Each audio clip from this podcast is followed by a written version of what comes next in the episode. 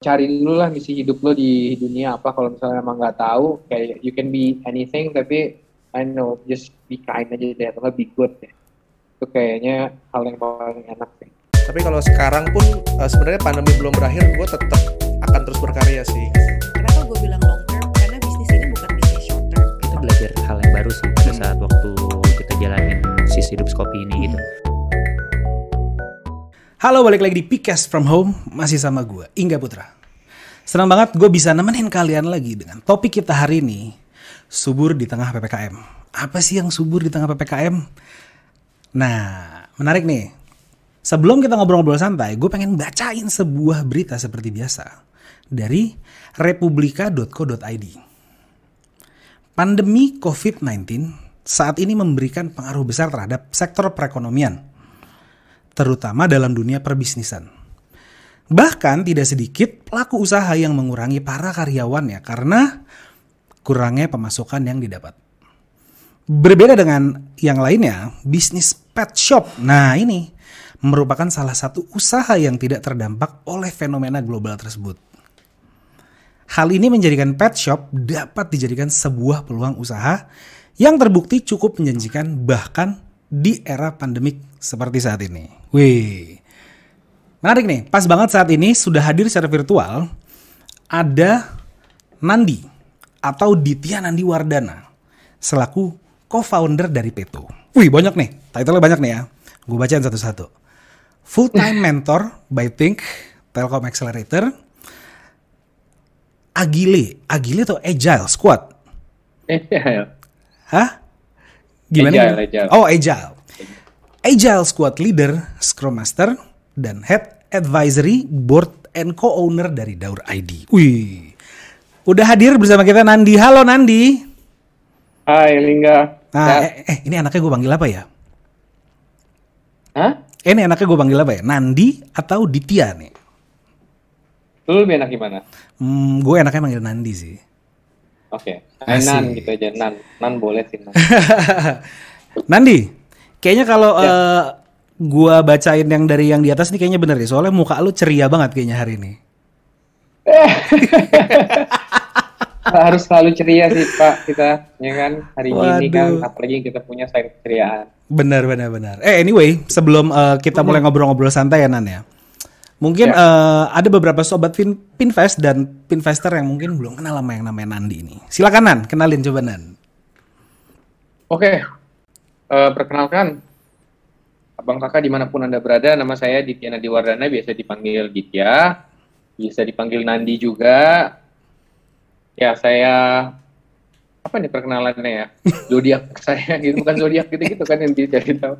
Kebetulan nih ya saya inilah saya waktu itu hmm, bareng temen lah menemukan solusi untuk hewan peliharaan gitu ya, jasa hewan peliharaan rumah gitu ya, aplikasi pet pet centric lah ya sama di Indonesia. Itu sih salah satunya itu juga saya eh, usaha, saya bisnis ada, saya juga bekerja juga, cuman bisnis saya itu lebih fokus ke hal-hal yang memang menurut saya pribadi itu bisa membantu lingkungan gitu ya dari hewan kan itu dari sisi satwanya dari faunanya gitu kan. Terus dari sisi recycling saya juga suka gitu. Jadi dan dari sisi properti saya juga suka tapi juga harus properti yang sifatnya ramah lingkungan seperti itu. Mantap. kayaknya itu sih ya. Keren, keren. Zodiak Sagittarius. Lengkap ya, Pak ya. Zodiak Sagittarius Siok kelinci Weton weton minggu kliwon sehingga Anyway, Nandi, coba dong Nan. ya Eh, boleh. coba lu tolong komentarin kutipan yang barusan gue bacain. oke yang tentang ini ya nggak ke impact ya Yes. Siap. Em, oke, jadi ada risetnya sih. Jadi selama selama pandemi ini, orang kan jadi di rumah ya, terutama WFH, school Yes. from home, semuanya from home ya, kayak everything, anything from home. Nah, itu jadi rate of pet adoption itu meningkat. Jadi orang jadi banyak pengen cari biar bikin rumahnya nyaman tuh gimana sih kan banyak yang ke tanaman juga, tapi banyak juga yang akhirnya dia adopsi kucing gitu, dia adopsi anjing, dia adopsi macam-macam lah ya Iya. hewan-hewan lainnya gitu yang bisa dipelihara. Gitu. Itu, nah itu mungkin juga itu sangat related terhadap statement dari Republika tadi kalau pet shop itu sebenarnya impact pasti impact lah itu pasti key impact semua bisnis pasti ada impactnya apalagi pada saat di awal-awal gitu kan. Semua orang semua orang punya spending pasti berkurang satu. Kedua juga semua orang misalnya kayak pet shop nih orang jadi parno dong ke pet shop. Nanti di sana ada orang lagi nanti saya perjalanan ke sana ke expose lagi sama orang gitu nah ini aman nggak sih covid gini? Kayak gitu sih salah satunya. Mm-mm. Cuman kalau ngelihat dari sisi dari sisi umumnya mungkin dibandingkan dengan industri lain, misalnya kayak industri tourism gitu ya atau industri kayak travel gitu, mungkin lebih lebih baik sih di industri yang terkait sama pets ini di Oke. kala covid. Gitu Benar, benar. Jadi ya bisa dibilang benar. Bener ya. Makanya mukanya happy terus ya Pak ya. Amin amin pak. Amin. Nah anyway, lu kan Iyalah. nih pernah jadi full time mentor nih bro ya. Full time mentor di Masih sih masih ya sampai sekarang present ya, bro. Di Think. Telkomsel inkubator itu. Oke. Nah sebelum kita masukin ngomongin soal hewan, gue pengen tahu nih eh, pendapat lu tentang perkembangan startup di Indonesia saat ini gimana? sangat amat bagus ya. Jadi maksudnya semua orang jadi di, di- ini sisi gue bahas dari dua sisi lah ya. Dari sisi bagusnya, dari sisi nggak terlalu bagusnya gitu. Dari sisi bagusnya bagus berarti semua orang udah millennials, Gen Z dan even generation apa pun lah ya orang udah mulai enterprising gitu sifatnya. Oke kita harus bikin sesuatu, ini punya kita sendiri, kita mesti craft ini sebaik-baiknya gitu. Kita harus kasih solusi yang terbaik gitu buat sama. Itu itu itu dari sisi itunya bagus banget dan Ya. teknologi adoptionnya juga sangat bagus gitu. Jadi semua orang udah mulai technological savvy, apa em, semua orang belajar coding gitu ya, udah sampai compute- computer vision, machine learning dan semuanya lah ya. Itu eh, adoptionnya bagus banget di Indonesia gitu. Tapi on the downside-nya em, competition sih balik lagi competition pasti akan lebih ketat gitu kan. Jadi makin ya itu hukum ini lah ya, supply demand gitu. Jadi makin banyak demand-nya gitu. Jadi ya kompetisi juga makin gila gitu. Iya, benar benar benar. Ya, tapi itu juga bagus kompetisi juga sebenarnya bagus buat uh, para pelaku usaha karena kompetisi itu bisa bikin produk kita lebih kompetitif dan lebih sesuai sama apa yang dimau sama customer gitu kan. Setuju, setuju, setuju. Gue setuju sama itu. Nah, bro, lu kan eh, tadi lu bilang lu masih aktif nih sebagai mentor di Telkom Accelerator. Telkomsel pak, sorry. Oh iya, ya. Eh, Telkomsel Accelerator ya, Inkubator. incubator. Sorry sorry. Nah itu apa sih bro? Boleh diceritain nggak? Oke, Think itu jadi kalau di Telkom tuh ada Indigo gitu ya. Jadi kan kita ini aku tarik lagi ke atas, ya. aku tarik ke atas. Boleh, jadi uh, investor tuh berbagai macam lah ya bentuknya. Ada yang kayak private equity, ada yang memang uh, angel investor gitu salah satunya. Dan ini ada yang kayak corporate corporate corporate investor hand gitu, corporate investor firm atau corporate investing entity gitu. Nah ini uh, kalau di Telkom gitu misalnya ada Indigo gitu buat inkubator, terus ada eh inilah ya di Telkomsel kebetulan juga ada juga namanya Think gitu Telkomsel inkubator gitu. Nah, Oke. itu nanti kerjasama sama eh, badan investmentnya Telkomsel juga gitu sih kayak Telkomsel Mitra Inovasi dan sebagainya. Oke. Nah bro, kalau kesulitan tuh ya, ke yang dihadapi startup tuh biasanya apa aja sih bro? Startup ya, wah tiap-tiap startup sih mungkin beda-beda ya isunya ya. Eh, pasti masing-masing kita semua bisa macam-macam lah isunya macam-macam. Cuman kalau bisa ditarik benang merah, eh, susahnya itu pasti satu, hmm, pertama memanifest kita punya visi gitu, masih Hmm. memanifest kita punya mimpi kan. Awalnya pasti orang punya konsep, punya ide. Ya. Itu the first step itu yang menurut gue juga agak paling susah. Jadi kayak ya gimana mulai dulu deh, mulai dulu terus habis itu ngejadiin itu jadi sesuatu gitu kan. Jadi itu sesuatu dan make sure itu bermanfaat buat uh, target market yang kita sasar. Itu satu ya, susah. Yang kedua juga em, beda sih startup itu kan ya kita istilahnya kayak zaman dulu juga udah ada startup gitu. Maksudnya bedanya startup mungkin lebih ke tech related gitu ya. Cuman sebenarnya Iya. polanya sih sama. Kita mulai usaha, mulai usaha macam-macam banget kan itu. Uh, challenges-nya ya. Jadi mulai dari permodalan misalnya di pertama, terus habis itu gimana caranya manage orang gitu kan. Gimana caranya kita bisa uh, menjalankan sebuah organisasi dengan seefisien mungkin gitu dengan budget Hmm. yang sangat nggak infinite gitu ya. Budget Iya. kita tuh terbatas di awal-awal. Terus apalagi memuaskan pelanggan yang zaman sekarang ini pelanggan ini nggak akan pernah bisa puas gitu. Kita udah Kritis kasih ya? A, mereka akan minta, ya mereka minta AB. Iya, Kita udah kasih AB, mereka bisa, oh coba dong kasih C juga, oke. Itu itu itu terus, makanya kita harus terus iterasi, kita harus terus evolve untuk memenuhi kebutuhan pelanggan. Itu satu, terus juga kompetisi. Kompetisi itu ada kompetisi yang baik, ada kompetisi yang sifatnya nggak baik. Kompetisi yang baik itu yang jelas misalnya kita emang berkompetisinya bersih, itu cara-caranya juga bersih. Cuman kalau kompetisi kotor tuh ya ada aja melakukan black campaign lah atau apa pun Hmm. gimana pun caranya ya orang di dunia ini macam-macam lah ya ada yang baik ada yang buruk nah itu juga jadi challenges tuh kalau kita ketemu orang-orang yang nggak baik itu sih luar biasa. So far. So far dari seorang mentor ya, luar biasa loh. Pen- Penjelasannya cukup detail ya. Beda ya kalau mentor yang menjelaskan memang ya. Oke, brother, ini kita masuk ke Iya. metode. Hmm. Nah, gue yakin sobat Pinvest juga pasti eh, bakalan penasaran sih nih sama Peto ini. Nah, eh, lu sendiri kenapa memilih menjalankan eh, sebuah perusahaan teknologi yang berbasis kepada hewan? Pertanyaan bagus Lingga. Dan Gimana tuh? jawabannya karena itu satu saya suka ya. Saya dari kecil juga memang punya pets kan. Gue punya anjing gue punya kucing gue punya kelinci pernah. Ada kura-kura ada burung sebutin lah ya. Iya. even kayak apa piranha gitu. Oh ya? piranha maksudnya kayak ya gue suka lah. Maksudnya itu menurut gue sih kalau lo bisa baik dan sayang sama binatang itu ya lo sama orang lain sama makhluk lain pasti bisa lebih baik lagi kan itu kan ngelatih kita misalnya sebagai makhluk yang lebih kuat gitu kita bully apa enggak nih sama hewan kita sayang apa enggak sama hewan kita nganggap mereka punya soul juga apa enggak gitu Hmm. itu satu situ dari sisi apa namanya hobi sa hobi gue pribadi itu gue emang suka Bukan cuma hobi ya cuma memang Lu penyayang hewan passion. lah ya. Iya iya itu sih. Satu, kedua terus juga pas eh, gua waktu itu kebetulan di Australia gitu ya, Mm-mm. lumayan lama. Ya pet gua ada yang meninggal, nah itu salah satu triggernya lah. Jadi pas gua balik, mesti balik, mesti balik lah ya waktu itu Hmm. konteksnya mesti balik ke Indonesia lagi. Bareng temen gue ya kita bikin aja yuk satu solusi gitu. Tadinya bukan buat umum ya, buat Hmm. kita kita aja bermanfaat aja lah buat kita kita aja gitu sama pet owners gitu ya ya terus lama-lama ternyata memang dibutuhin juga gitu sama masyarakat gitu ya Mm-mm.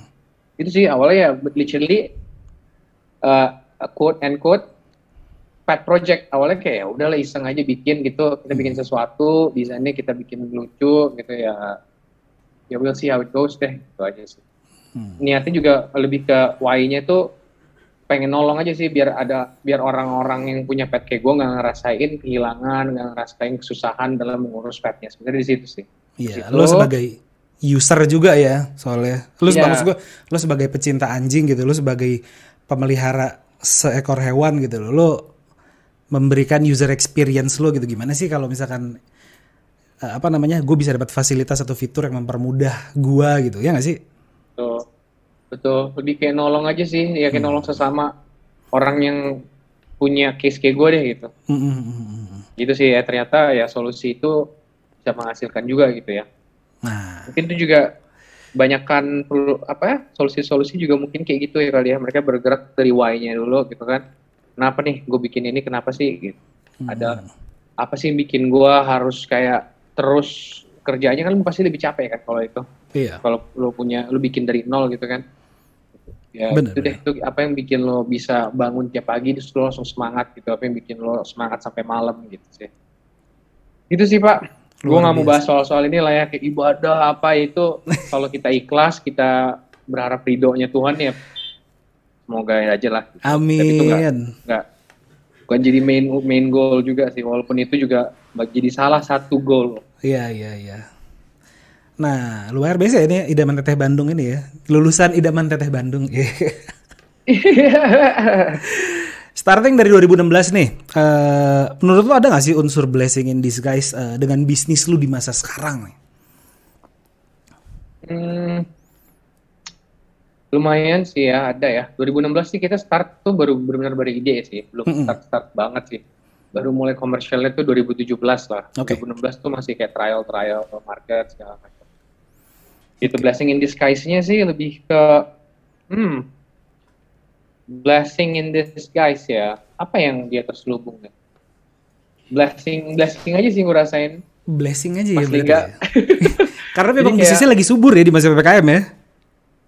Ya alhamdulillah sih maksudnya ya bukan lagi subur gitu maksudnya kayak kita tetap kena impact-nya kok. Hmm. tetap kita tetap kena impact-nya cuman ya alhamdulillah alhamdulillah kita nggak sampai tumbang kan banyak kan kawan-kawan Iya. kita kan yang harus terpaksa apa namanya tumbang gitu ya Iya. karena kita dari awal juga fondasinya juga jelas kan kita apa prof, path to profitability-nya jelas gitu Iya, jadi kita memang harus kuat juga Nah, ada yang menarik nih, Bro.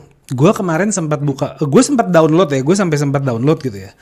Apa sih ini Peto gitu? Gue juga penasaran juga kan. Gue visit Instagramnya, gue sampai download apps-nya gitu kan. Nah, gue menemukan salah satu fitur menarik nih dari Peto gitu kan. Adalah lu bisa adopsi. Mhm. Nah, ini ada dua nih bro yang gue bingung nih. Ada paid, ada free. Ini maksudnya gimana sih bro? oke. Oke. Jadi gini gue netral ya. Boleh. Jadi waktu itu bikin peta tuh kita netral. Itu waktu itu kan debat banget orang. Wah lu kalau punya pet tuh harusnya adopsi dong kan masih banyak di shelter. Ada lagi yang debat ya terserah gue dong gue punya duit gue mau beli juga sama aja kan gitu. Apa bedanya? Yang penting gue sayang sama petnya kayak gitu sih. Jadi kayak hmm oke oke kita mengakomodir kedua belah pihak. Jadi intinya kalau gue pribadi eh gue lebih ke lebih ke adopsi sih gue pribadi ya. Jadi gue anjing gue juga adopsi gitu. Kucing gue hampir nggak pernah beli pet sih. Gitu Oke. sih karena gue nggak menganggap mereka sebagai komoditi gitu. Cuman cuman di sisi lain juga market ini tuh ada juga gitu maksudnya uh, ada user kita juga yang minta ini gimana kalau kita ini memang ada harganya? Harga tuh kayak gini yang termasuk itu gini. Misalnya kayak kita mau adopsi gratis aja ya. Hmm. adopsi gratis di salah satu rumah sakit hewan gitu misalnya. Itu mereka pasang harga juga, pasang harga misalnya 300, 500, sejuta gitu. Ini biaya apa pas gue tanya? Ini biaya ini Pak perawatan selama di sini, biaya dia vaksinasi, biaya oh, oke make sense kan. Ya sebenarnya ya boleh aja sih masang-masang nominal asal masih masuk akal gitu. Dan Hmm. gue juga prinsipnya eh ya kita bukan di negara komunis lah ya, kita di negara bebas karena demokrasi ya. Maksudnya kayak orang bebas lah ngelakuin apa gitu. Ya itu tadi, jadi misalnya lo mau prefer lo adopsi gitu, biar ya nggak apa-apa adopsi aja. Cuman ya kita nggak nggak usah saling mencibir aja sih. Yang Hmm. lo sukanya beli ya selama intinya gini kuncinya selama lo rawat itu hewan dengan sebaik mungkin karena itu udah jadi amanah lo gitu kan. Iya. Karena itu kan sama kayak kita ngadopsi anak lah ya, itu udah jadi tanggung jawab gitu. Benar. Gitu sih, bener kan? Maksudnya kayak ngasih makan, ngasih minum itu kan juga kalau buat orang-orang yang beragama gitu itu pahala besar gitu. Iya. Gitu-gitu sih. Tapi lu pernah dapat komplain gak sih pak? Maksud gue dari kalau lu dari bikin apps gitu dari Instagram lu gitu ya. Pernah gak sih lu dapat komplain apa sih ini kok berbayar gitu atau enggak gitu? Pernah gak sih dari netizen lu gitu? ah, pernah lah, pasti pernah lah. Itu tadi yang makanya tadi gue bilang ada yang tipe-tipe yang memang em, kalau menurut gue pribadi ya, ini opini gue ada yang tipe garis keras gitu ya Hmm. istilahnya ya. Jadi kayak gue pokoknya eh, adopt, don't shop gitu kayak 100%. Pokoknya eh, yang shop itu evil. Nah, itu gue agak nggak setuju gitu aja sih.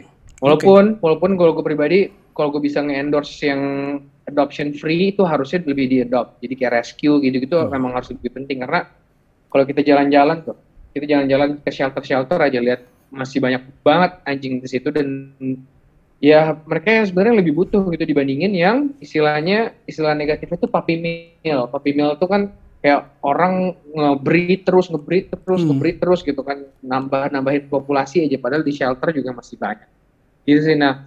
Ya tapi kita sebagai platform ya kita nggak bisa kita nggak bisa ini juga nggak bisa nggak kena komplain juga pasti akan Iya. "Ah, ini kenapa kayak gini sih kenapa yang paid masih ada gitu kita jelasin kayak gitu cuman kan clear yang kita utamain yang free dulu Hmm. kalau pas baru buka aplikasi kan juga langsung ke free kan baru kalau Iya. tapi nggak ada paidnya Gue sempat lihat Oke. sih ya, eh, Nan ya. Jadi eh, di situ tuh kalau di yang free-nya itu, gue sempat buka tuh yang free tuh. Jadi di situ kan itu gue bener-beneran bisa langsung nanya ke yang punyanya langsung kan ya berarti ya. iya betul Jadi lu hanya memfasilitasi mempertemukan mereka aja di situ kan. exactly gue nggak ngambil fee apa apa juga dari situ Oke oke oke. kita oke. benar-benar benar-benar kayak ya udah memang siap ya karena gue ngerasa tadi eh, bukan gue ngerasa ya, mungkin semua orang yang udah pernah ke shelter shelter hewan gitu, shelter kucing, shelter anjing, Hmm. ingat masih banyak banget yang terlantar itu kita pengen lah membantu bisa kita apa yang bisa kita bantu. Oke. Benar benar benar. Gue setuju soal itu. Nah, ini masih dalam topik adopsi sih, Bro ya. Gue pengen eh gue pengen tahu deh, menurut lo lo sebagai animal lovers gitu kan. eh, apa aja sih bro yang harus lo perhatiin gitu kalau lo mau mengadopsi seekor hewan? Oke, oke. Eh, Pertanyaan bagus juga pastinya. Jadi gini, eh, itu sempat kita post juga tuh di Instagram. Syarat-syarat kalau mau jadi adopter, adopter tuh yang mengadopsi ya. Iya. Sorry.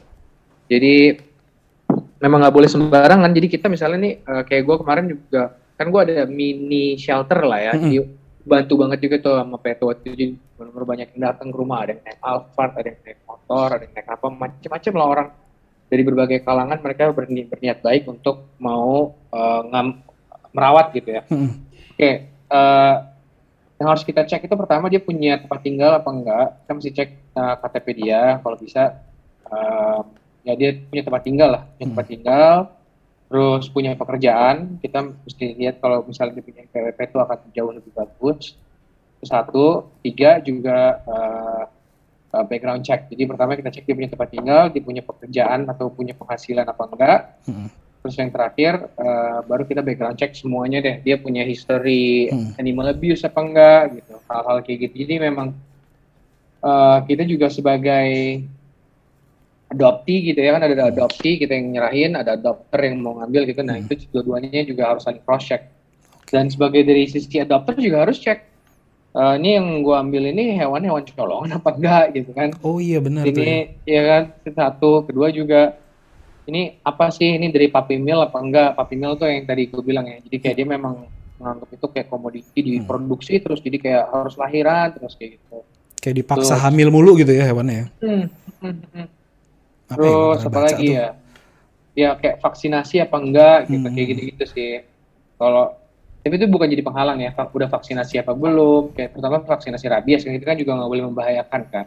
Iya benar. Itu satu sih keempat juga mesti ngecek juga kita sebagai dokter nih hewan red flag nggak kalau gue pribadi prinsip gue nggak ada red flag cuman ada aja hewan yang uh, mistreated mistreated nih misalnya lo pernah ketemu anjing yang sering dibuat ngadu nggak pernah nggak bukan sering nggak mungkin Oh. sering lah ya Gue so far belum sih belum ketemu itu sih. hmm dia pernah denger Red flag tuh apa ya? Sorry kalau gue gue pengen tahu red flag Oh, tuh red- ya. Red, red flag tuh istilahnya kayak oh big no no lah kayak sinyal buat kita kayak oh this is red flag nih orang nggak bener ini hewan nggak Oh, bener oke, itu I lah maksudnya Oke. jadi kayak sinyal sinyal sinyal sinyal Hmm. yang kita dapetin kayak misalnya kayak anjing ini pernah dibuat kayak tarung apa enggak gitu gitu Hmm. juga mesti kita consider sih Hmm. jadi ya karena perlu direhab jangan sampai kita adopsi anjing anjingnya udah kebulu sarah didik terus jadi apalagi anjing-anjingnya tipe-tipe gede-gede gitu ya Hmm. yang kuat-kuat gitu terus kita salah bawa ke rumah bisa kita lengah dia bisa makan ART kita atau makan Oh iya tuh ada tuh kalau nggak gitu. salah di daerah mana ya pitbull deh kalau nggak salah mak- apa eh, membunuh anak Iya. anaknya yang punya gitu kan. iya ada pitbull ada ya tipe-tipe gitulah Belgian Malinois Iya Belgian Malinois yang memang- kemarin tuh ya yang apa membunuh ART-nya itu ya nggak sengaja gitu ya. nggak sengaja Kebetulan ownernya juga udah- masih teman gue sih. oh iya ya Iya si Bima, Bima. ya? Bima Iya Rio. Bima, Bima. Iya, iya. Iya, Sempat iya. ngobrol juga sih sama Bima Gitu. Tapi berarti ada tuh ya such as eh, rehabilitasi gitu buat anjing gitu ya. sangat ada kan makanya ada dog whisperer tuh kalau tahu Caesar Milan dan Hmm. sekarang sebenarnya kalau kita udah biasa sama anjing kita tinggal sebenarnya baca eh, nonton di YouTube aja dan kalau misalnya kita punya anjing kita bisa praktekin itu sendiri juga sih Jadi yang penting kita ngerti psikologisnya mereka ngerti body language mereka kita bisa ngontrol energi kita juga depan mereka gitu. Hmm. Dulu lu punya anjing atau punya pet? Gue dulu punya pets kucing, tapi udah eh tahun ini deh kalau nggak salah awal-awal tahun ini dia mati. Sedih sih gue, Di kan? sedih. Ya kayak family member lah mereka walaupun ya gitu deh. Yang paling baper nyokap gue sih bro kalau untuk ngomongin pets ya karena nyokap gue tuh sayang banget sama eh, piaraan gue. Namanya Bubu. Dia kucing Hmm, anggora. Maksud gue eh, dia tuh anggora yang udah campuran sama kucing kampung gitu loh. Tapi entah gimana nyokap gue tuh sayang banget sama doi. Adik gue juga sayang banget sama doi. Iya. Begitu kalau udah nggak ada lucu gitu. sih. Gimana? Iya. Terus eh ya jadi cerita deh nih gue. Enggak, gue juga punya sepupu gitu ya. Dia punya anjing dia golden gitu ya. Sampai sekarang sejak anjingnya meninggal dia udah gak mau pelihara anjing lagi. Roma ya. Trauma karena dia terpukul banget waktu itu pada saat anjing itu meninggal. Siapa saudara lo pertanyaan gue kenal. gue pernah, gue ada, ada temen gue di Chile kayak gitu dia use case Gue udah kapok nggak mau nggak mau melihara lagi ya. Gara-gara gue nggak bisa ngerasain rasanya kehilangan itu lagi gitu. Iya. Even kalau gue masih bahas ya gitu, gue masih kayak apa. Wah itu kejadian udah lama banget bro, anjing itu udah, udah meninggal udah lama banget gitu. Udah sekitar 10 tahun kali. Kalau gue kayak apa aja ngebahas si anjingnya itu, itu dia masih nangis. Masih kayak, oh dia tuh begini gitu. Iya. Sedih ya. Menurut gue ada tuh orang India sampai dia tato di sini. Enam anjing ya? Ya, bu- muka, muka, muka, muka. Muka Muka. anjingnya. Ada Muka namanya anjing. juga di bawahnya. Ya. Iya sih men, soalnya gue beberapa pertanyaan adopsi ini pun juga gue mendapat literasi juga dari salah satu teman gue gitu loh yang dia eh, penyayang anjing, namanya Dila kalau lo mau tahu. Nah Dila itu eh, gimana ya? Dia bilang sama gue, yang namanya anjing itu dia punya hati gitu loh. Dia memiliki hati dan dia lebih tulus. Menurut dia gitu. Dan gue sangat-sangat percaya sama itu karena anjingnya saudara gue pun segitunya sama ownernya gitu loh bener-bener deket sehari-hari bareng kayak gitu gitulah bro Parah ya. Mm-mm. Bonding itu loh, dan anjing tuh bisa ngerasain kalau lagi sedih gitu. Dia bisa nyamperin lo, tiba-tiba nih, terus berusaha ngehibur. Mm-mm. Hal-hal kayak gitu deh. Kan banyak juga video-video mungkin ya, kayak Iya. ngeliat majikannya atau ngeliat parentnya itu lagi kecebur, Iya dia selamatin kayak gitu-gitu sih. Iya. Maksudnya gitu loh, memang loyal banget sih gue juga. Makanya kita kadang-kadang kan banyak tuh meme-meme kan. We Nah. don't deserve animals, we don't deserve pets gitu, we don't Iya. deserve dogs gitu kayak. Iya, Gue setuju karena mereka epic banget sih. bener, gue bener. walaupun mereka masih tetap hewan ya, Iya gue tetap gini, gue mau memposisikan dia itu, eh, gue nggak mau memposisikan dia sebagai manusia gitu. Iya. Dia tetap hewan, apa maksudnya? Jadi kayak biar kita nggak salah. Mm. Kalau manusia posisikan sebagai manusia jadi kayak bayi gitu kan nggak nggak kayak gitu. Mereka di wildlife-nya di aslinya habitatnya tuh kan nggak di treat kayak manusia kan. Mm-mm. gitu sih. Jadi maksudnya dia memposisikan dia sebagai hewan dan kita ya sayang sama hewan itu gitu aja sih. Betul. Setuju gue bener setuju gue Iya. lalu eh, Nandi nih yes. ada yang menarik lagi nih eh, di Peto nih. Ada semacam gue ngelihat kayak eh, Tinder di pet. Di Peto tuh gimana sih tuh dan ceritanya dan? Ya ini juga balik lagi. Kita demokrasi ya maksudnya gue bebasin juga nih. Mm-mm. ada yang setuju ada yang enggak gitu. Kalau Oke. gue pribadi gue pakai karena itu. Tuh, gue tuh buat pet gue sendiri awalnya. Dan ternyata itu dipakai. Ini loh. Ini ya hewan itu kan ada siklus matingnya ya. Kalau misalnya lo nggak nggak nggak nggak belum di steril lah ya. Mm. ini gue bahas itu dulu lah dari sisi matingnya ya oke. Menurut gue ya daripada dia mati karena kucing gue pernah mati gara-gara eh, dia nggak nemu pasangannya sampai akhirnya kena saluran kemihnya gitu lah. Dia kena Oh, kemih gitu. kena saluran pipisnya gitu kan. Kasihan karena suka digesek-gesekin ke hal yang lain. Ya gitu deh ya itu sih gue pribadi lebih ke situ. Jadi bahas itu dulu dari sisi keuntungan untuk hewannya ya. Mm-mm. jadi hewan itu bisa bisa kalau mau mating mating deh gitu serah. Kalau gue tuh nggak nggak nggak gue larang juga. Misalnya gini lo ini hak hak orang juga kan? Maksudnya oke di shelter masih banyak hewan. Ya I know I know I know. Cuman gini misalnya gue kan nggak mau ngelarang orang juga. Hmm. misalnya gue gue gue punya husky lu punya sheep apa apa sih itu? Pomeranian gitu. Mm-mm. gue punya husky lu punya pomeranian anjing yang agak kecil. Mm-mm. gue pengen punya pomsky anaknya jadi kan Oke. bisa breed breed lucu gitu. Ya nggak masalah sih kalau gue kayak gitu tetap gue bebasin. Dan kayak misalnya itu kan juga demo hak asasi ya. Misalnya kayak orang kita sama kita mampu nih kita ngerasa kita mampu ngerawat dia dan anak-anaknya ya kenapa nggak boleh punya anak sih? Iya iya iya. Benar itu benar. itu salah itu satu, itu satu hak asasi hewan yang menurut gue juga harus dipikirin sih. Jadi buat orang-orang yang pro steril ya gue netral aja ya steril lo bagus. Gue ada juga kucing gue banyak yang di steril gitu. Mm. cuman kayak anjing gue gue sengaja nggak mau steril. Orang gue pengen punya anak dari sorry gue pengen salah nggak sih gue denger? Gue pengen punya anak dari dia. Agak rancu ya. Salah ya salah ya. Terusnya ya gitu lah gue gue gue pengen tahu anaknya dia kayak apa gitu. Iya, I get the point, I get the pasti point. gitu. iya maksudnya kayak boleh kan. Itu satu. Sisi satu dari sisi hewan. Kedua dari sisi si pet ownernya. Nah di sini kan gue sengaja bisa mereka itu bisa ngefilter uh, Ah. owners gendernya itu mau female apa male gitu. Jadi Hmm. kayak cari jodoh juga aja, sama-sama cari jodoh aja. Hmm. Hewannya ketemu, um, pet ownersnya juga ketemu gitu. Dan Iya, itu juga use case-nya juga udah proven gitu. Kemarin tuh inilah pas zaman gue single atau apa gitu ya, Nah, atau teman-teman gue lah itu juga lumayan ada ini sih. Banyak juga gitu cewek-cewek yang karena good looking ya. Cewek-cewek Iya. good looking. Dan itu emang gue sengaja, gue sengaja bisa milih uh, mau filter dari sisi breed hewannya atau mau filter dan atau filter juga dari sisi gendernya si iya bisa bisa dilihat tadi tuh itunya. Ya nggak masalah kan? Gak masalah dong. Iya bebas kan ya udah mau cari jodoh jodoh cari atau sekedar kayak temen playbat saja kita sama-sama ke dog park yo kayak gitu-gitu aja sih atau bertukar pikiran gitu oh lu punya husky gue punya husky gitu ya udah kita match kita match berdua terus kita ngobrol-ngobrol tentang husky kita Menarik ya idenya ya. Itu idenya datang dari mana sih? Lu kayak gitu?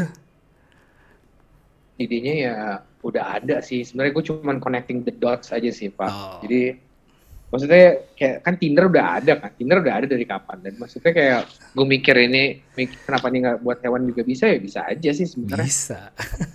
dari situ sih gue cuma ya connecting the dots aja lah dia bikin satu one stop solution lah buat pet ini Tapi keren sih kreatif. Gue suka tuh ide itu tuh. nah ini juga ada nih services nih. Gue ngelihat ada uh, fitur namanya Peto Donation. Nih ceritanya gimana bro kalau yang pet donation ini? Eh Peto Donation iya. ini? ya ya ya, ya. itu ya tadi sih lebih ngebantu kayak shelter shelter sih Hmm. apa yang bisa itu bukan ke kita kok duitnya Hmm. walaupun kita juga ada shelter gitu cuman mostly buat kayak shelter shelter lain lah kalau memang kumpul masuk ke kita kita salurkan gitu aja sih Oke oke oke simple itu sih Nah ini gue uh, anyway ya gue pernah baca salah satu artikel nih ya. Topiknya itu Hmm. mengenai side, hustle. Jadi dengan ngajak anjing jalan-jalan. Tapi di luar negeri bro, gue ngelihatnya ya. Nah itu tuh bisa menghasilkan uang ya up to lumayan lah pokoknya gitu kan. Nah di Indonesia tuh ada gak sih yang kayak gitu-gitu bro? ada Peto kan juga buka Peto Walker kan Mm-mm, Peto Walker. Nah sebenarnya gue kan? mau ngangkat itu sih. Iya. Eh, ya, ya. Eh, kita masih ini ya waktu itu memang trial lah ya Mm-mm. di Indonesia kayak gimana sih? Adalah orderan ada ada ada ada ada ada ada. Cuman nih balik lagi kalau eh, di Indo karena ART-nya juga masih banyak ya. Mm-mm. Jadi dia bisa nyuruh ART-nya ngajak jalan gitu. Cuman Hmm. kalau lo di luar negeri kan susah tuh ART tuh. Iya.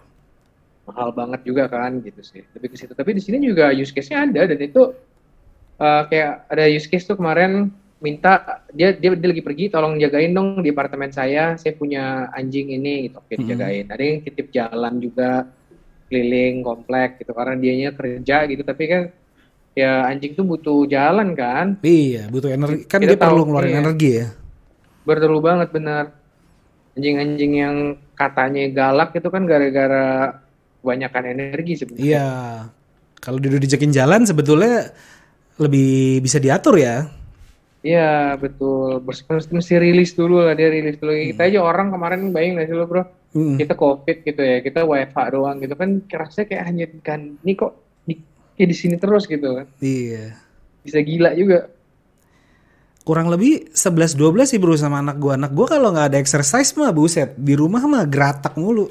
Cuman kalau gua bawa Iya bener kan kayak gua bawa main keluar gitu kan. Ayo Jun kita exercise deh Jun gitu kan. Ayo kita main sepeda kayak atau kita lo temenin gua ke gym deh Jun gitu. Ah, Ngangkat-ngangkat barang begitu dia capek nyampe rumah tidur gitu loh. Lebih bisa gua kontrol sih. Ya kurang lebih sama lah ya kayak anak juga ya. Kurang lebih sama, bener. Anjing, bener-bener itu bener banget sih valid statement lo. Dan katanya intelijensia anjing itu, ini correct me if I'm wrong ya viewer, cuman Hmm. kayak gue, singkat gue tuh kayak anak umur 3 tahun apa anak umur 5 tahun gitu, anjing tuh. Tingkat kepintarannya ya. Hmm. Kan sebenarnya anjing tuh ada lo lihat anjing bisa ngerti komen-komen kita, anjing tuh Iya. ngerti kadang-kadang bisa ngitung gitu. Iya, iya. Dan pinter banget sih kalau lihat anjing-anjing yang udah di train banget tuh luar biasa. Gue pernah ya bro ya, gue nggak diajak sih, cuman gue ngeliat videonya sepupu gue. Jadi sepupu gue tuh kan dia pernah punya anjing jaga gitu ya. Waktu itu anjing jaganya dia itu dibawa ke, pokoknya dilatih lah intinya ke satu tempat gitu kan. Nah terus dia cerita sama gue sambil dia ngasih video. Keren deh di sana tuh anjingnya breednya herder gitu, ya, German Shepherd gitu kan. Nah masing-masing dari kandangnya itu udah ada nama-namanya dan si anjing itu pada saat makanannya dimasukin, dia udah tahu tuh dia masuk ke kandang dia yang udah ada namanya gitu loh. Canggih sih kalau gue ngeliatnya.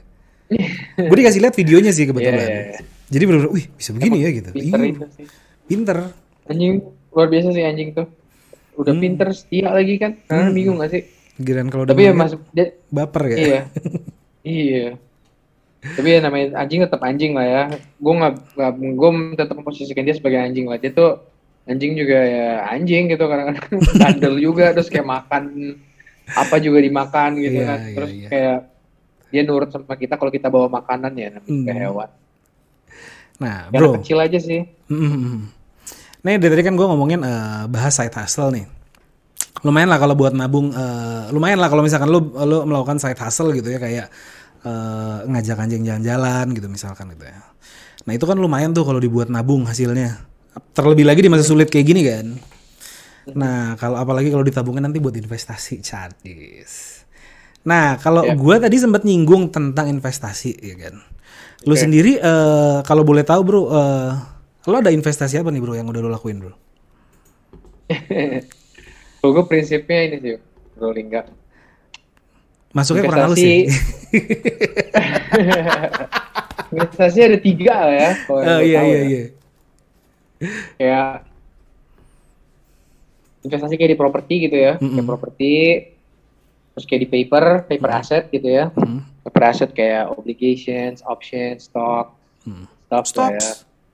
Ya, even bitcoins and Hmm. stuff gitu. Terus kayak satu lagi investasi di products. Jadi kayak you create your own products terus dapetin cash flow gitu ya. Terus kalau tadi nanya investasi apa yang pernah gue lakuin, um, property for sure, property for Yeah. sure, property for sure. Itu satu kali kita bahas ya. Kalau properti ini juga prinsip gue kayak Sensei Kiyosaki. gitu. Oh sih. Jadi menurut lo rumah liability apa aset? Aset dong. Kalau gua ya. Oke. Uh, I beg to differ a little bit. Sebenarnya ya Boleh. Oke, aset-aset lah ya. Itu secara accounting bener banget itu aset lah ya Hmm. maksudnya. Cuman kalau rumah itu lo tinggalin, lo ngeluarin duit tiap tahun untuk rumah itu gitu ya. Itu lebih ke liability kan ya. Jadi prinsip gua aset sama liability gue ngikutin Sensei Kiyosaki sih. Hmm. Jadi what what what kayak what puts money in your pocket itu aset. Oke. ya what you pay terus terusan tuh liability. Jadi kayak let's say uh, you bought a house ya buat ditinggalin atau buat lavish buat beli mansion tapi nggak ada apa-apa itu menurut gua liability. Walaupun lo uh, bisa appreciate harganya nanti ya pas 10 tahun dia harganya naik segala macam lo dapat capital gain nah itu lain cerita deh. Cuman maksud gua prinsip gue sih aset liability tadi aset itu yang puts money in your pocket. Put Nah, your jadi ya penting banget kayak misalnya lo either bisnis property tapi lo punya kayak kos-kosan banyak, itu kan cash flow tuh ya, Mm-mm. kontrakan, cash flow tuh ya. Terus kalau atau enggak lo beli tanah, tanahnya lo jadiin peternakan, cash flow tuh ya. Lo jadiin villa gitu, Airbnb itu cash flow tuh, gitu-gitu sih. Menarik, Um, menarik. Terus ya paper asset tapi sekarang ya kalau teman-teman yang main reksadana atau apa, reksadana lah ya, bukan Hmm. saham ya. Reksadana ya lagi bleeding lah ya sekarang. Portfolio kok merah semua nih kalau gue pribadi nih, mungkin teman-teman ada yang lebih beruntung. cuman, cuman ya kayak gitulah keadaannya kan, kalau lagi krisis. Terus ya itu sih um, banyak banyak banyak paper asset juga saham gitu ya. Mhm. Terus habis itu uh, trading juga why not coba gitu. Mm-mm. Lagi rame lo tuh sekarang. Iya, ramai banget sih trading. Luar biasa. Gue pernah ya. Soalnya- nyoba. Hmm, gimana gimana? Kenapa? Lo nyoba apa tadi? Nggak, nggak apa lu duluan. Oh enggak, gue dulu pernah eh, belum lama lah, gue sekitar tiga bulan atau dua bulan lalu gitu. Gue sempat nongkrong gitu ya di coffee shop gitu. Iya waktu itu masih ppk, eh sebelum ppkm sorry sebelum ppkm tuh gue sempat ke coffee shop gitu kan. Gue sama bini sama anak gue. Gitu. Sebelah gue tuh anak muda, kira-kira masih masih SMA kali ya, atau masih kuliah kali ya. Topiknya tuh udah, wih, udah canggih banget bro, udah ngomongin kripto, udah ngomongin apa. Terus gue yang kayak kayak namanya nguping lah ya bro ya. Overheard, overheard ya. Ya gue nguping, wih kok masih muda topiknya udah keren banget itu. Oh, mereka udah topiknya udah ngomongin investasi gitu. Gue perasaan zaman gue SMA gue masih ngomonginnya mau bandel ke mana nih kita gitu. Iya, iya, iya, iya. udah beda ya. Iya, iya, iya. itu proyeksi jadi anak sekarang informasi ada di mana-mana kita dulu nyari informasi dari mana kalau nggak dari buku ya kan Iya. informasi dari TV gitu Eh, Zaman kita tuh. SMA gitu SMP dari mana kita Mm-mm, dan perbedaannya itu cukup obvious ya kalau menurut gue. Zaman gue dulu, eh, gue itu membaca sebuah buku untuk mendapatkan informasi atau mendapatkan literasi gitu ya. Kalau sekarang tuh udah bisa di bypass dengan adanya, let's say kayak kita ngomongin YouTube gitu, video blog dan apa-apa. Dan lu bisa ngeliat, lu bisa ngerasain.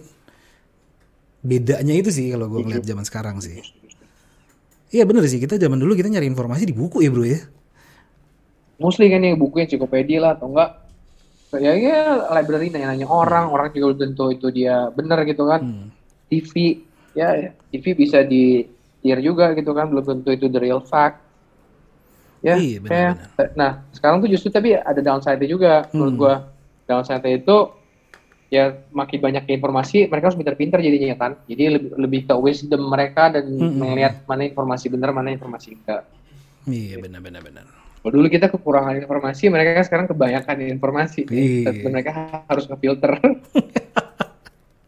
Kayak umur kita sama nih Pak ya. Ngomongin sekarang. ya. Sama-sama, sama-sama. Sama-sama. Anyway, eh nanti eh, ke depannya bakalan ada apa lagi nih, Bro di Peto, Bro? Oh, banyak sih. Ini tadi lu belum bahas adalah grooming ya. Itu sebenarnya core-nya Oh, iya kita tuh. sih. Itu core-nya kita banget sih.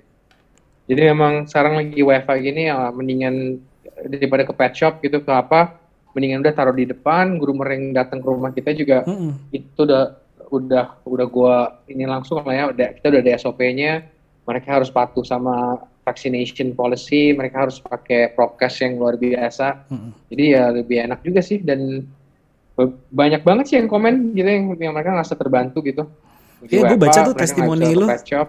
Gue baca testimoni lo di di Instagram tuh.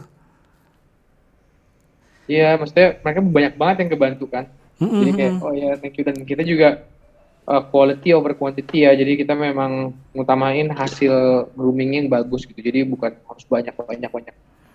Uh, Jadi- ngejar ngejar setoran enggak kita prinsipnya bukan ngejar setoran karena ya tadi kita benar-benar ke quality-nya sih. Gimana caranya ngasih yang terbaik lah karena I can empathize with our customers gitu ya. We all the employees juga rata-rata semuanya itu uh, pet owners gitu. Jadi mereka semua bisa empathize sama customer gitu sih. Sadis. Jadi buat sobat Pinvest dan Pinvester jangan lupa download Peto di mana? App Store atau di Play Store. Iya. Asik. Yes. dan jangan Oh, lupa juga di follow tuh aja. Instagramnya Peto ya. Peto app ya. Mantap. Nah bro, ada bakat list apa nih bro yang Yes. belum terlaksana bro? Bucket list. Hmm, bucket list in what aspek nih pak? Bisnis deh. Hmm. Bucket list bisnisnya banyak sih. Banyak ya. Oke, pleasure deh kalau gitu pleasure deh. Kalau gitu pleasure deh. Pleasure. Gue pengen ini sih. Kayak bener-bener uh, move for good ke Bali gitu. Wih, kenapa Bali bro? Hmm, kampung halaman ya nomor satu kayak nyokap gue kan ada Balinya lah ya. Hmm. Kalau juga satu gue juga dulu bahas soal investment ya gue baru beli adalah ya, ada tanah lah yang gue beli di sana juga buat gue pribadi buat gue pensiun gitu rencananya jadi benar-benar dan kenapa Bali ya Hmm. Eh, Bali is a vibe bro itu nggak bisa dijelasin sih kayak orang bingung misalnya lu udah pernah ke mana ke mana ke mana ke mana tapi pas lu ke Bali tuh kayak ya ini Bali loh gitu. kayak beda aja gitu gue Iya, nggak tahu iya. kenapa culture-nya aromanya auranya terus alamnya menurut gue sih epic ya kayak Yes. itu lu buat dapet inner peace gitu Iya benar buat dapet benar. inner peace kayaknya oke banget sih Ada sesuatu yang beda gitu di Bali ya. Setuju Hmm. gue itu. itu sih itu bucket list gue sih kayak nanti udah passive income semua gitu ya enak gitu semuanya udah tinggal kita hidup di Bali jadi orang baik aja udah ngapain lagi kan Benar. Semakin cepat investasi, semakin juga cepat pensiun ya bro ya. benar benar benar benar benar Masuk Pak Eko. masuk baik ke Waduh, Nando. Eh, Nando, Nandi. Yes. Any last word buat sobat Pinvest di luar sana? last words ya prinsip gue sih gini aja sih. Be good do good pelajarin. Gue lagi sekarang pribadi lagi kayak pelajarin banyak tentang stoic kayak stoicism tentang taoism tentang backwards law. Jadi kayak apa sih meaning dari hidup nih? Gara-gara kebanyakan sama Eva kali kita ya. Kebanyakan di rumah jadi akhirnya kita banyak meditate banyak baca buku lagi banyak akhirnya cari meaning hidup lagi. Lo apa sih gitu? Kayak gitu. Jadi intinya uh, cari dulu lah misi hidup lo di dunia apa. Kalau misalnya emang nggak tahu kayak you can be anything tapi I know just be kind aja deh atau be good deh. Itu kayaknya hal yang paling enak sih. Itu satu kalau buat mau mulai buka usaha em, pertama dengerin user dulu dengerin customer dulu mau apa. Terus ya itu kata kunci sebelumnya yang lebih penting tuh mulai. Mulai dulu lah ya itu mungkin semua orang juga ada nyaranin hal yang sama. Mulai dan konsisten gitu ya satu kedua juga em, lagi ya kira-kira ya tetap ini aja sih berintegritas tinggi gitu. Kita eh, selama kita yakin apa yang kita bisa lakuin insya Allah kita bisa lakuin gitu aja sih. Amin. ya intinya yang baik-baik aja lah kita hidup ngapain lagi sih? Luar Tapi- biasa. ini gue boleh khotbah nggak sih? Nggak boleh? Boleh dong, boleh. Kayak kita mati gitu ya. Kita mati nih bro ya. Kita mati nih kita mati nih yang bikin kita didoain orang apa sih? Atau yang bikin kita Perbuatan diingat baik kita. baik? Iya kan itu ujung-ujungnya itu doang kan. Itu sih. Menurut gue jadi kayak mau lo sepinter apa kayak orang jadi oh iya ini orang emang pinter. Udah selesai dia mungkin nggak akan doain lo. Atau kayak gue nggak tahu juga mungkin gua, lo mesti ngasih achievement atau inspire sedemikian rupa dan itu masih masuk ke realm goodness kan. Jadi dia lo jadi Yes. orang baik lo nge-inspire orang sampai pas lo meninggal kayak misalnya kayak gue gak kenal Kobe Bryant tapi pas Kobe Bryant meninggal gue bisa nangis dan gue bisa kayak ngedoain dia kayak buat apa lagi gue ngedoain dia kan aneh kan sebenarnya. Kayak lu nggak bisa lu nggak kenal gitu. Tapi karena dia inspiring banget dan dia atas kerjanya itu bagus banget dan ya keren banget emang Mbak Mentari kayak gitu gitulah pak. Jadi intinya ya dan satu yang paling penting menurut gua kita punya timingnya kita sendiri kok. Jadi nggak usah compare compare sana sini sebelah gitu. Benar. kalau gue pribadi ya ya kita Yang Kalau penting kita bersyukur gitu ya. bener yang penting kita bersyukur apa yang kita punya gitu. Ya rem dikit deh. Jadi stop overthinking rem dikit kita lihat apa yang kita punya gitu. Sekarang ya sesimpel jantung masih berdetak gitu aja deh. Nafas masih lancar gitu. Kadang-kadang kita juga suka lupa. Kita dikasih kesehatan tuh kesehatan paling luar biasa sebenarnya kesehatan lahir dan batin ya. Kesehatan pikiran gitu. Bayangin kalau kita lagi stres gitu atau kita lagi penat tuh gak enak banget rasanya kan. Atau kita lagi sakit hati gitu rasanya sakit banget. Pas kita lagi nggak kayak gitu ya kita syukurin. Luar biasa. Pak. Bos Nandi, Pak Bos Peto. Thank you banget loh Nandi udah eh, mau hadir di YouTube kita. sama-sama Mas Lingga terima kasih udah Mudah-mudahan sukses terus bisnisnya, sukses terus karirnya. Dan mudah-mudahan bisa pensiun lebih cepat biar bisa cepet-cepet tinggal di Bali. Aduh, gue kalau ngomongin Bali bawaannya baper emang ya. pengen langsung sana ya pengen bawaannya pengen langsung sana ke sana. Udah lama banget pak kita nggak liburan pak. Ya gitu, curhat parah kan. ya, parah ya. curhat Oke buat sobat Pinvest, eh, jangan lupa tonton kita di YouTube dan dengerin kita di Spotify. Picast namanya. Jangan lupa di likes, di komen, di subscribe dan di share. Bener nggak tuh gue ngomongnya? Bener, cakep, nggak ada yang salah. Gue Ingga Putra, dan gua Ditya Nandi Wardana sampai jumpa di Picast selanjutnya. Stay safe, sehat-sehat selalu teman-teman. Bye bye.